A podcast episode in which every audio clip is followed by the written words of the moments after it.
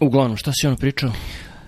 E, teo sam da se dotaknem teme vezanu za anatomiju e, nepca, tvrdog prvenstveno i prisustvo unjkavosti glasa koje si ti rekao da je možda previše uh, inside baseball, to je previše hermetična tema, ali s druge strane mislim da naprotiv nije, zato što se nalazi u onoj sivoj zoni između nauke i uh, previše teorija uh, Um, ali da li si čuo za izraz mewing? Ne. M-E-W-I-N-G. Ne. A, zato što nazvan je po određenom zubaru slash ortodontistu a, uh, koji se preziva Mew, koji ima argumentaciju mada mislim da postoji literatura koja donekle podržava to, a to je da moderna dijeta utiče na uh, um, razvoj vilice, to jest nedovoljan razvoj vilice kod ljudi i da je objašnjenje za to, mislim, nedovoljno prisustvo čvrste hrane koju moraš da žvaćeš, koju ti stimuliše razvoj vilice i kostiju, kosti maksile. Uh, i da zato ljudi ono vade umljake, zato imaju krive zube, zato imaju probleme sa zubima, gde ono ti kad gledaš arheološke iskopine i ono starije iskopine ljudskih lobanja, svi zubi su pravilni, ispravni itd. itd. Mislim da to nije toliko kontroverzno. Ono što jeste kontroverzno je da on savetuje određen položaj jezika u vilici i određene vežbe za ispravljanje ovih stvari. A, I onda kao što možeš da zamisliš, pošto je čitavi subredditi gde da se ljudi bave time i stavljaju svoje pre i posle slike gde u roku od godinu dana su odjednom ispravili svoji ono underbite, to jest uh, pogrešan zagrižaj i uh, poboljšali svoju vilicu i položaj vilice itd. Da, a u principu se svodi na to da uh, jezik bi trebalo prirodno da ti dodiruje vrh to je da ti dodiruje tvrdo nepce u svakom trenutku, da ljudi koji su poznaci da mouth breedery, koji imaju znači, onaj atopični izraz lice, da, su, da je donje velica stalno blago otvorene, da jezik pada i da takva muskulatura, integracija između muskulature i kostiju dovodi do lošeg razvoja kod dece i onda kod odrasli se manifestuje kao pad zadnjeg nepca, unjkavost u govoru, nedovoljno razvijena vilica, krivi zubi i onda sleep apnea i sve ostale stvari koje prističu iz um, loše anatomije tog dela ljudskog tela. Čuo sam za tu priču, nisam znao da se zove Mewing, ali mi je poznata ta teorija da nedovoljno čvrste hrane dovodi do uh, E, slabijeg razvoja donje vilice. Kao što znaš, meni su moji davali da jedem šljunak kad sam bio mali, tako da nemam problema sa tim. To trudim se da radim sa, sa svojom decom, tako da ni oni nemaju problema. A, ne Šalim znam se. to. Aha, okej. Okay. Nisam bio siguran. Za trenutak sam mislio stvarno. Da, pa, da, poznata obsesija mikrognacijom 80-ih. Ne, nije. Ali mogu da zamislim da e, poznata mi je obsesija ravnim tabanima 80-ih i 90-ih. Da koja je, mislim, bila smešna, to je potpuno preterana briga o razvoju stopala, samo pusti decu da idu bosa i stopala će se razvesti nema potrebe za bilo kakvim ulošcima i vežbama i ostalim glupostima, mislim, ajde sada da nosimo klikere u prstima i drugim, druge stvari, mislim, gluposti. A, e, mislim da je i ovo što ti spominješ sada vežbe i fiksacija na time, mislim da je pogrešno usmerena pažnja.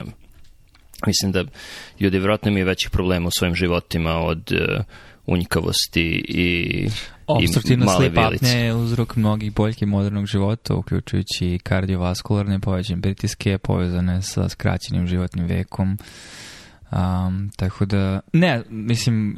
A, a potvrđeno je da suviše mekana hrana u detinstvu dovodi do sleep apne i potvrđeno je da te vežbe pomažu u eliminaciji sleep apne. Ne, jedno te dve stvari, zato se malo... Mislim, ovo dogovorim, držim jezik u obrazu, što se kaže, ili e, mm. nisam ozbiljen. Što se kaže na engleskom, kaže ne na srpskom, ali u redu. Aha. A, Tako da, ali je zanimljivo svakako razmišljati na tu temu, zato što jeste činjenica da dosta ljudi vadi umljake sada više nego postoji ta tendencija ljudi da gledaju sa oduševljenjem na prošlost svojih predaka i da misle kako su ljudi nekada u istoriji mnogo zdravije živeli i da je modern način života poguban po razvoju ljudskog organizma i po ljudsku evoluciju. To ide od e, navike sa spavanjem, nekada su ljudi imali dva sna, budili su se u 2-3 ujutru, jeli nešto, pričali i onda spavali opet, zato što su mnogo ranije išli u krevet jer nije bilo veštačkog osvetljenja.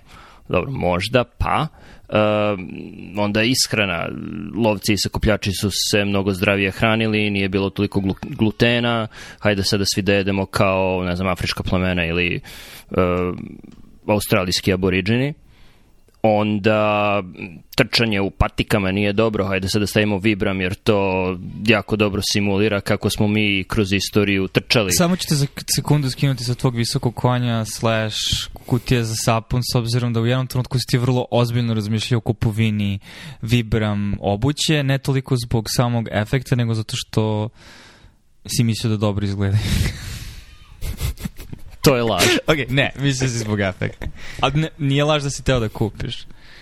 Pa, interesom, bi, bilo mi je zanimljivo, ok, možda nije loša ideja, čisto da li bi to pomoglo u razvoju stopala vežbi, stopala vežbaš mišiće koji inače ne bi vežbao i tako dalje i tako dalje. Mislim... I referenca ovde je ona knjiga Born to Run gde um, je evolutivna teorija da su ljudi kao vrsta bili uh, za razliku od svih ostalih životinskih vrsta, u principu lovili tako što su izmuždavali svoj plen jer su bili dobri na trčanju za duže staze, da bi svi mi trebalo da budemo dugo prugaši, da bismo bili zdravi i živjeli dugo to je sa jedne, druge, sa jedne strane tačno, sa druge mislim da oni koji su rođeni za trčanje imaju jedno 30 kila manje od mene i samim tim imaju manje, mnogo manje pritiska na kolenima i kukovima. Zašto pričaš uh, o tome sada? Jel imaš bolove ne? prilično siguran da imam ovaj burzitis pesancerine, pošto imam dosta izražen bol u medijalnom kolenu, srećem nije nikakav... Uh, ukršteni ligament ili meniskus, tako da bi trebalo da se sredi, ali da, imam bolove u kolenu izazvane trčanjem to je jedan od znakova zamora materijala u kasnim 30-im. Čekat će to i tebe, ne brini. Ok, prekinuo sam ti, ušao si u jako dobru fazu nizanja svih stvari koje su delovale kao sveopšte objašnjenje um, toga koliko je modern život loš i treba da se vratimo. Vratimo se prirodi Jean-Jacques Rousseau i tada koji su još primeri koji ti padaju na pamet? Pa, primer je, hajde, primer je, sjajan primer je uh, pokret, nisu naturalisti, ne mogu sad da setim kako se zovu, ali ovaj Ralph Waldo Emerson i ovaj njegov kolega koji su pisali knjiga, ovaj Walden Ponding, ovaj koji je išao u, jezer, u, u jezero Walden i odatle pisao kako čovjek treba da se vrati korenima, kako može sam da brine o sebi, da mu ne treba grad, ne treba mu društvo, treba da budeš samodovoljan, E, I mislim, i u trenutku kada je to pisao, taj lik, da li Emerson ili... Ako se ne veram, Ralph Waldo Emerson jeste napisao uh, Walden. Jeste, ok. Zato što su ih bila dvojica, Emerson i njegov uh, uzor, čih se imena ne sećam. Uh, ali mislim i on u trenutku kad je to pisao njemu je mama dolazila svaki dan pošto je živeo ono na, na pola sata od grada mama mu je donosila hranu i, i ostale stvari znači nije ne, bio ni malo samostalan u tom trenutku turo. Thoreau hvala A Emerson je bio Turov uzor okej stižu godine. Ali to, mislim, i to, to, to se dešavalo pre, ne znam, 150 godina, kada je to bilo? krajem 1854. je publikovan Walden. Tako. Da, sredinom 19. veka. Dakle, E, još tada su oni pričali, znači, ljudi sredinom 19. veka su pričali o zlatnom dobu u prošlosti kada su ljudi bili, bili samostalni i samodovoljni možda neko sada priča o vremenu iz 19. veka kada su ljudi bili samodovoljni i samostalni i sigurno ako ideš dovoljno unazad kada se vratiš u to doba ljudi će i tada pričati o zlatnom dobu koje je bilo pro, pre 150-200 godina i gle čuda niko ko je tada živeo sada nije živ tako da ne može da potvrdi da je to zaista bilo zlatno doba. Postoji korektan film, neću reći odličan, Woody Allena, uh, glumi Luke, Wil Luke Wilson ili Owen Wilson? Owen Wilson glumi o njemu. E, opet ne mogu da setim kako se zove taj film, ali on je u Parizu i filmskom magijom on iz savremenog Midnight doba... Midnight in Paris. Ili Midnight Prvo in Paris, ok. Pogled. Ok, da, pre, pro, dolazi u različite periode, ide sve dalje i dalje u prošlost i shvata da u svakom periodu, znači on razmišlja o periodu početkom 20. veka, ono, Roaring Twenties, Eh, ali su ljudi tada pričali o zlatnom dobu 19. veka, ljudi tada su pričali o zlatnom dobu 18. veka i ako ideš dovoljno unazad, ljudi će uvek idealizirati prošlost. I mislim da je ta priča o radnim tabanima, maloj vilici, glutenu, to je još jedan vid idealizacije prošlosti. Uf, e, imam nekoliko komentara, a, a jedan od njih hoću da se nanižem, da krenemo na sledeću temu koja mislim da bi bila zanimljiva, tiče se nečeg o čemu sam skoro razmišljala i da se vratim na to da jako je zeznuto. Ne kažem da sigurno ne postoje stvari koje se tiču modernog života, a koje ne utiču negativno na naš organizam, stoga ergonomija. Mislim, nije prirodno da sediš za kompjuterom toliko dugo dok ti se skraćuju fleksori buta i dobiješ lordozu. Ali sa druge strane, mislim da ljudi preteraju u traženju panace za sve probleme modernog života, jer jako je siva ta zona, pogotovo što ono što si ignoriše je sposobnost ljudskog organizma za prilagođavanje spoljašnjoj sredini, a modifikacijom spoljašnje sredine, mislim, naši geni a, imaju, dovoljno su toga dugo proživjeli kroz sav razvoj da bi mogli neke diskretne promene da se adaptiraju a, ka tome. Mislim, jedan primjer je, ok, da li onda treba da isključimo kuvanje, zato što je kuvanje tehnologije koja nam je dozvolila da, mislim, možda i eksplodiramo kao vrsta, zato što smo mnogo lakše onda počeli da procesiramo hranu i mnogo više nutrijana sa počeli da vadimo, da treba da izacijemo mleko, pa mleko je opet pomoglo ljudskoj vrsti da, mislim, preživi a, mnogo toga, tako da, da, mislim da, a postoje bukvalno ti pokreti, ono, postoje ljudi koji su u fazonu, treba da idemo, jedemo samo sirovu hranu, ništa, ništa, ništa procesirano. Okay. To je zbog naše karakteristike, karakteristike ljudi da mnogo bolje znaju prošlost nego budućnost, naravno, ali primetit ćeš da rešenje za krivu kičmu i ostale zdravstvene tegobe koje dolaze usled suviše sedenja za kompjuterom to nije toliko rešila raširenost ergonomije i fotelja od 1000 dolara, već to što smo kompjutere smanjili dovoljno da mogu da stanu u džep, tako da sada ljudi više ne sede pred tastaturom i monitorom, nego imaju kompjuter u džepu i tako ga koriste. I hej, više nemaš problema sa kičom, imaš možda problema sa palcima i prstima, ali ti problemi su u velikom broju slučajeva eliminisani, jer ljudi koji bi inače sedeli za kompjuterom ne sede, nego drže telefon u rukama. Obojice smo vlasnici ergonomske tastatura, tako da mislim da ne možeš u potpunosti da se boriš protiv ergonomije, ali da, ne, slažem Dobar, se. Ja, i, ja sam svoj uzeo jer ima jako prijetan klik, ali da. Ja sam svoj uzeo zato što je počeo da me boli vrat zbog male tastature i položaja ruku, ali to stvari godina, a ne samo zamora materijala. Uf, sad sam zaboravio drugu stvar koju sam teo da iskomentarišem. Um, tiče se vraćanju prirodi. Mislim, to, to je stalno jedna stvar. Um, da, uh, još jedna stvar koju sam teo, to je u stvari možda i treća stvar, zaboravio sam drugu, ali o kojoj sam skoro razmišljao je to da um, ne znam da smo pričali o ali ima jako zanimljiv uh, intervju sa Bertrandom Russellom a, sredinom 50-ih koji je snimljen, gde on a, priča o tome kako je u toku njegovog životnog veka se desila velika promena, znači sa relativno ag agrarnog preindustrialnog društva a, 19. veka dolaskom prvog svetskog rata tehnologija, što mislim da smo i ti ja upoznati slušajući onaj podcast Hardcore History, koji baš dobro slikao o tome koliko u stvari tehnološki boom se desio to vreme i da načini ratovanja i strategije koje su primenjivane pre toga i sa kojima su ljudi ušli u prvi svetski rat uopšte nisu računali tehnološki razvoj mitraljeza, druga stvar što je dovelo do rovovske bitke i mislim čitavog uh, mislim, ono, krvoproliće koji je bio prvi svetski rat i da se to smatralo uh, velikom promenom u, u istoriju ljudskog društva u smislu da se za vreme jednog životnog veka video, znači, od toga da živiš u ono, platnjevoj kući bez kanalizacije, odjedno imaš kanalizaciju, imaš struju, imaš televizor, znači, imaju ljudi, postoje ljudi, znaš, neko ko je rođen 1880.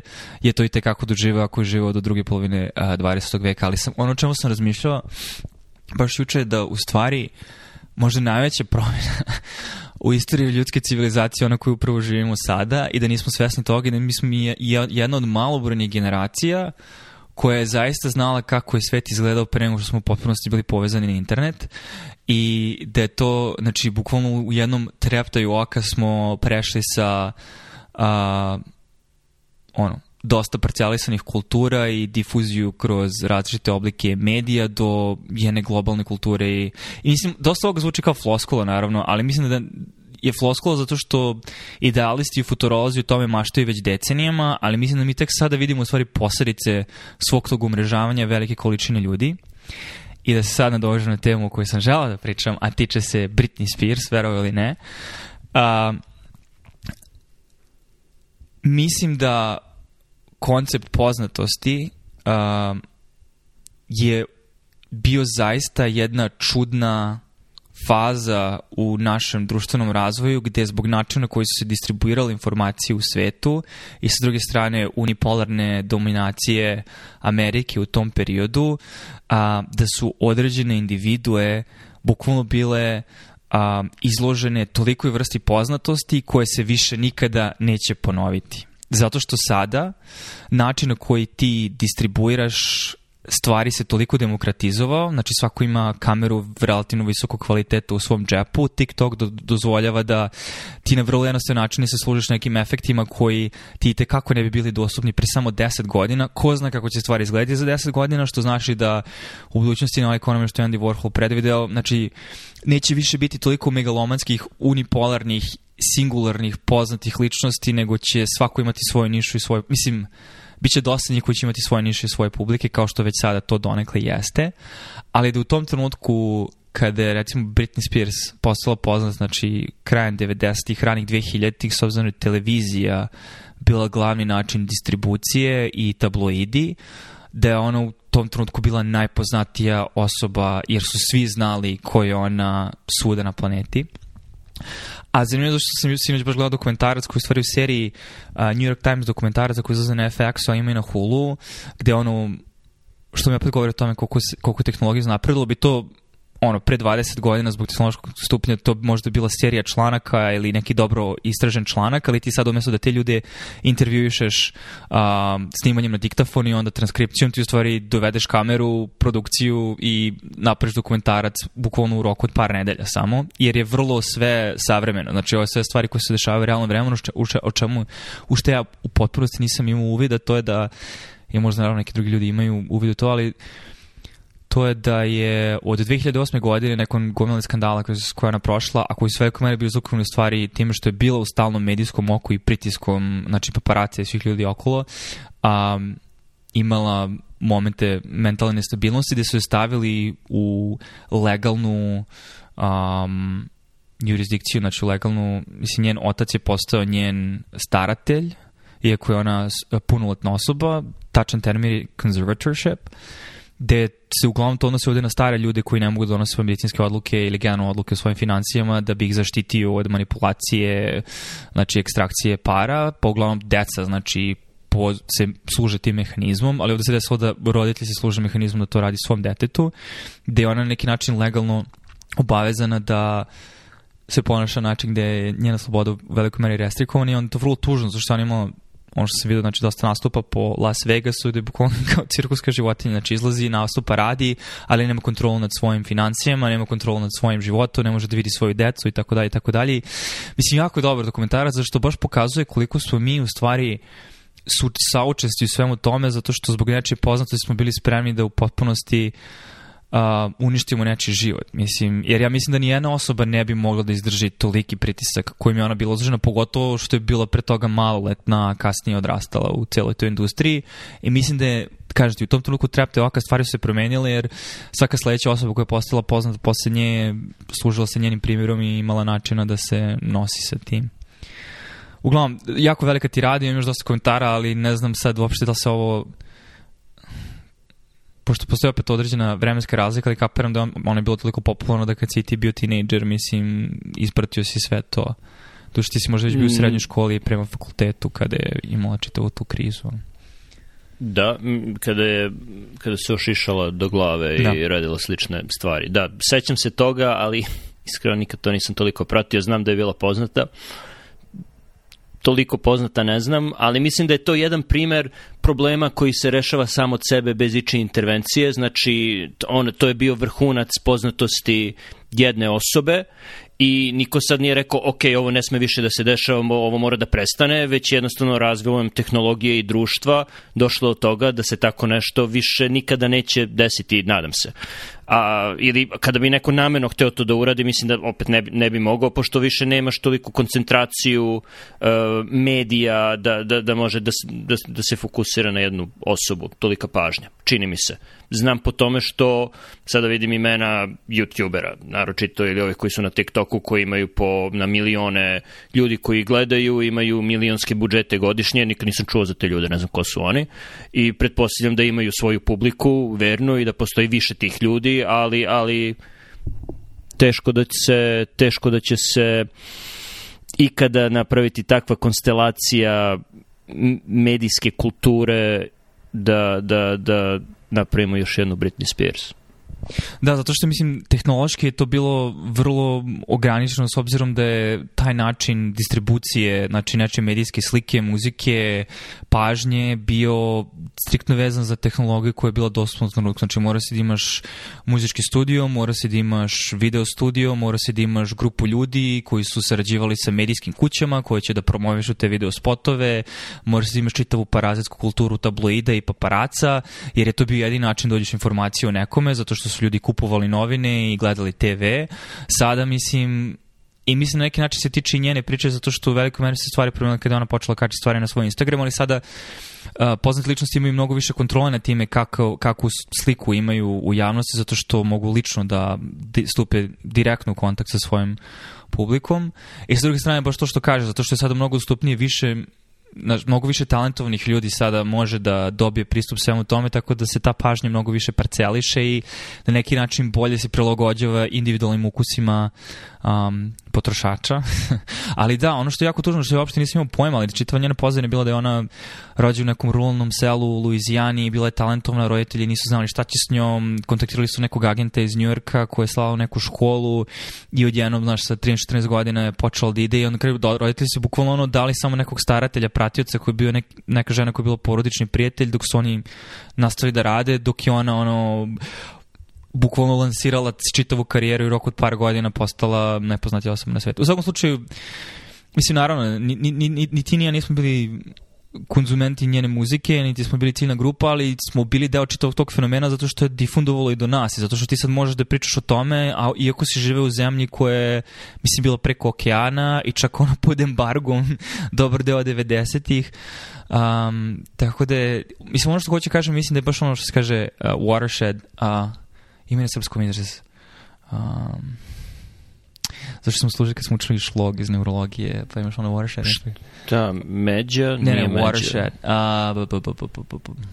Sleeve, ne. Mm, naći ću. Um, ali uglavnom prijelomni trenutak um, koji je neponovljen na neki način i desio se u treptaju oko tih. Mislim, bilo je još nekih ljudi koji su bili toliko poznati, poput Michael Jordana, uh, možda Michael Jacksona, uh, a, gde su svi na planeti znali ko je ta osoba, ali to se više neće desiti u toj meri, zbog načina distribucije. Vratit ću se na epizodu koju smo imali kad pre mesec, dva sad o deci koja je trala samo 8 minuta i zlopotrebi dece. Mislim da je ono što je naročito ubitačno i zašto Britney Spears nije Michael Jordan je što se njoj sve to dešavalo dok je bila maloletna, dok nije bila sasvim psihički zrela, I da što je to... I to, i to je povratna sprega gde, gde jedno je ako Michael Jordan koji je u svojim 20. godinama zna na čemu je, zna da je dobar košarkaš, zna šta se dešava i dobija svu tu pažnju, a drugo je dete koje još uvek ne zna šta je, da ono dobija svu tu pažnju i da se cela ličnost formira zavisna od tolike pažnje i, i postaneš zavistan od toga i onda dalje radiš stvari da bi privukao pažnju. I mislim, znam si kako to utiče... Ono, Aha, izvini, nastavim da, ono što me brine je što da, sada nećemo imati jednu Britney Spears koja će toliko pažnje privući, jedno dete koje će toliko pažnju planete privući, ali je to možda difundovano na mnogo više dece koje se sad zlupotrebljava na različitim YouTube klipovima, Instagram računima, TikTokovima, pa i na Twitteru, gde roditelji postavljaju stvari koje njihova deca kažu, ponavljaju, a, moje dete od tri godine može da kaže ovaj amandman, onaj amandman, politički komentari, stvari itd. Mis, mislim da ni to nije zdravo. To su manje doze, raširenije, tako da možda, ne znam da li će ukupno biti veće ili manje štete? Da li je bolje fokusirati sve, svu tu negativnost na jednu osobu i onda jedna osoba propadne, ali bar su ostala deca ok? Ili će ovo uh, biti neto mnogo gore po čovečanstvu? Ne znam. Pa da, mislim da je isto jako teško povući samo u toj jednoj dimenziji, zato što isto vreme deca dok odrastaju, nezavisno od potencijala da ih eksploatišu roditelji, isto vreme doživljavaju jako mnogo pritisaka zbog načina na koji trenutno se socijalizuju kroz socijalne medije i kako postoji um, mnogo, mislim, generalno stvari poput popularnosti u okolini tvojih vršnjaka su bile nekada mnogo ograničenije, zato što si bukvalno imao svoju školu i nisi znao ni za koga više. Sada je to proširno to da ti kao dete preko noći možeš da napraviš YouTube klip, odeš kod Elena i budeš nacionalno poznat nedelju dana, tako da um, mislim da postoji dosta drugih faktora isto koji mogu da na, na mentalni razvoj i kasnije mentalno zdravlje a, generacija koje dolaze, ali da, mislim um, opet možda će se tržište samo nivelisati, ljudi će naučiti da prepoznaju. Jer je svako što je, ovo sa Britney Spears cijela priča je da su ljudi prvi put počeli da diskutuju o mentalnom zdravlju javno, zato što su videli šta se dešava jednoj mladoj osobi. Mislim, nadam se da, da će se desiti to što ti kažeš, da će se stvari samo regulisati, da će razvoj tehnologije i društva srediti to na način koji će nam delovati logično kad se desi, ali o kome sada ne možemo da pričamo jer ne znamo šta će se tačno desiti. No. Da. Kao što se do sada dešavalo. problem sa takvim načinom razmišljanja je što je dovoljno da jednom nisi u pravu i onda dođe do velikih problema, ali, ali vidjet ćemo.